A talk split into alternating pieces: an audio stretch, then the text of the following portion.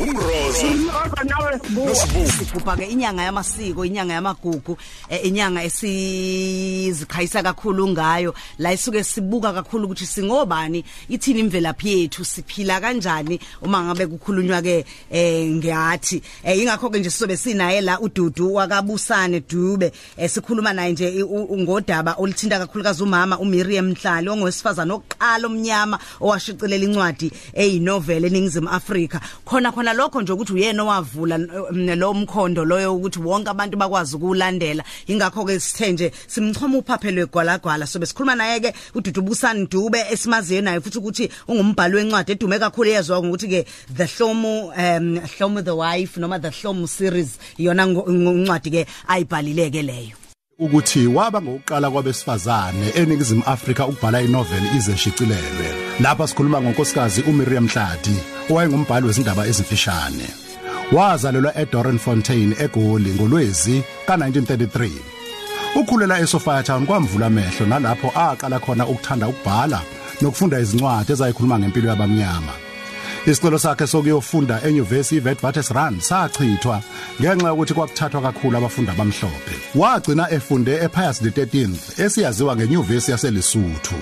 Kodwa izifundo zakhe wagcina engasiqedanga ngenxa yokwentula imali. Ngonyaka 1969 unkosikazi uHladi wayesebhale inoveli eyisihloko sithi Muriel at Metropolitan. Le noveli yakhishwa esikhathini esiyiminyaka eyisithupha emva kokushicilelwa. Kwabe kuyinoveli yokuqala ukubhalwa ngowesifazane omnyama ukuba ishicilelwe eningizimu Afrika. Njengombhali wayehambela amazwe ehlangana nabanye ozakwabo nokwathi ngoka 1980 washicilela incwadi ethi Amandla Power. Ufice ukugula ngoNhlolanja ka2017 adlule ngawo emhlabeni. Lo mlando benwethulelwa ukhozi FM ngokubambisana neGunundo Press abashicileli bobukhosi elabohlanga neBayede News. Nizilibele ukuba nizalwa ngobani? Sizalwa ngomama uMiriam Mhladi eh okuyena ke esizomchoma uphaphelo gwalagwala namhlanje. Eh njoba ke sibusi izohlala. Nenye intombazane esencane kakhulu intokazi esiziqhenyayo ngayo ebhala kahle ngendlela eyisimangaliso. Naye bamela abantu besifazane eh kulesi sizukulwane samanje sabantu abasebasha. Eh udadewethu ke uDudu Busani Dube eh sixoxe nje naye kamnandi eh ukuthi umbuka ukuthi umbuka kanjani umama Sekubingelela ke we Busani Dube. Sawubona sibuthi njani? Ngiyaphila njani wena? Ngiyaphila. Na siyaphila kakhulu sisi. Eh ba- ba- ba- bathina abantu ihlomo series eh bathina abantu. Hayi bayayithanda, bayayithanda kakhulu. Eh, Na- incwadi eyidala ziphume 2015 kodwa abanje zisenza kahle. Yeah.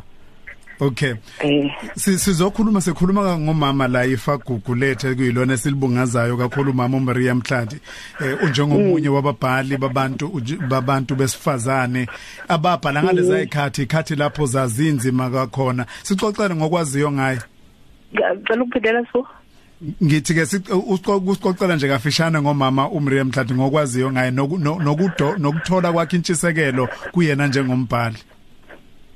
Oh, yeah, ubaba uBiriam ubuye ubuto abesifazane aba aba abazivelela indlela thina.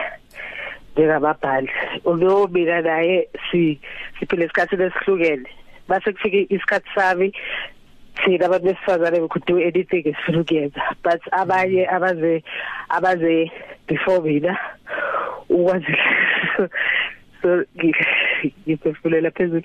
Abanye ab- abanye abantu by the time mina kufika kwi-industry sekuyisikhathi sami sokuthi ngibhale incwadi yonke into ibisivulelekile bese kunababhali abaningi babantu besifazane. Kodwa-ke aba aba-challenges ethu ehlukene yena kwakumele ukuthi adile ne-apartheid kwakumele adile ne-patriarchy akakwazanga ukuthola i-education ayifunayo ngenxa yokuthi wayemnyama ngaleso sikhathi.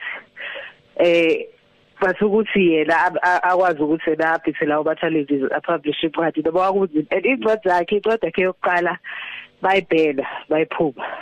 Kuwukuthi eh yayingekho nje available eSouth Africa. So abantu abaningi abazanga ngaye until nathi saze ngaye sesibadala. Okay. U- umama uMariam Mhladi njengoba ukuthiwa phakathi kokunye babengavuba bengayinikiwe bengayinikiwe imvumo yokuthi bashicilele incwadi zabo.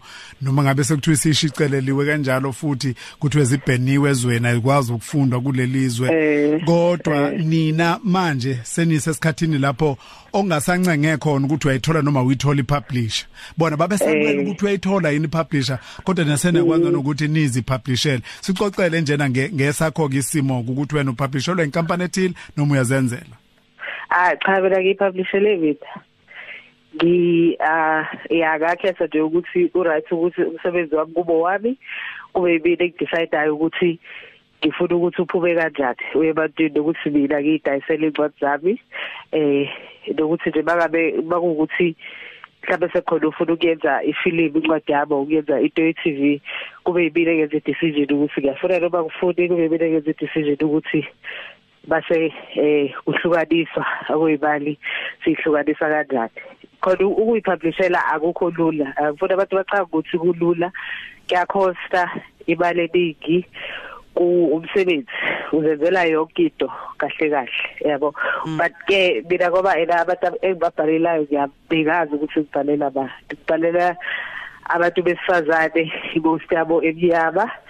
And bekuna that this perception yokuthi abafundi abayithengi incwadi that's why bengekho incwadi eyiningi eyikhuluma ngathi thina. Ngoba bekwaziwa ukuthi abantu besifazane abamnyama bafundi nje ukufunda nje into abangayithandi. So ngibhalele lezincwadi ngibhala ngathi thina ekuthiwa sifundi and uh ngikwazile ukuthi ngiprove wrong leyo cabango leyo ukuthi asifundi ngoba incwadi zami zidayisile abantu abaningi bayayifunda. Mm. Mm. mm.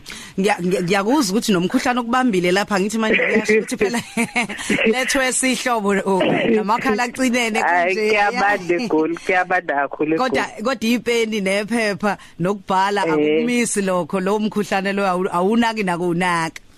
hayi ngiyazama nje ukusebenza ngawo Ngiyakuzwa. Banake u- ungathini ukukhuthaza abantu ikakhulukazi nje abesifazane a- a- aba aba- abangangawe nabancane kunawe ababuka Mhm. eh, umama uMiriam nababuka wena ke manje ngoba abanye ngeke bamazi kodwa bazi wena njengamanje usuyisithombe uyifagugu kubona eh ungathini Eh. kubagqugquzela ukuthi zikhona ingqinamba ubhekane nazo njengomuntu ozenzela yena Mhm. ozibambela yena umsebenzi eh baze bagcine bahlale nawe umqondo muhle emakhaya bengawukhipheli ngaphandle ngoba bethi hayi ayikho lento ungathini kubona? Eh ngibona ukuthi abantu abaningi a- abantu bayeza kumina yabona? Bafuna ukuthi ena kubaluleka ukuthi ukuthi benze njani.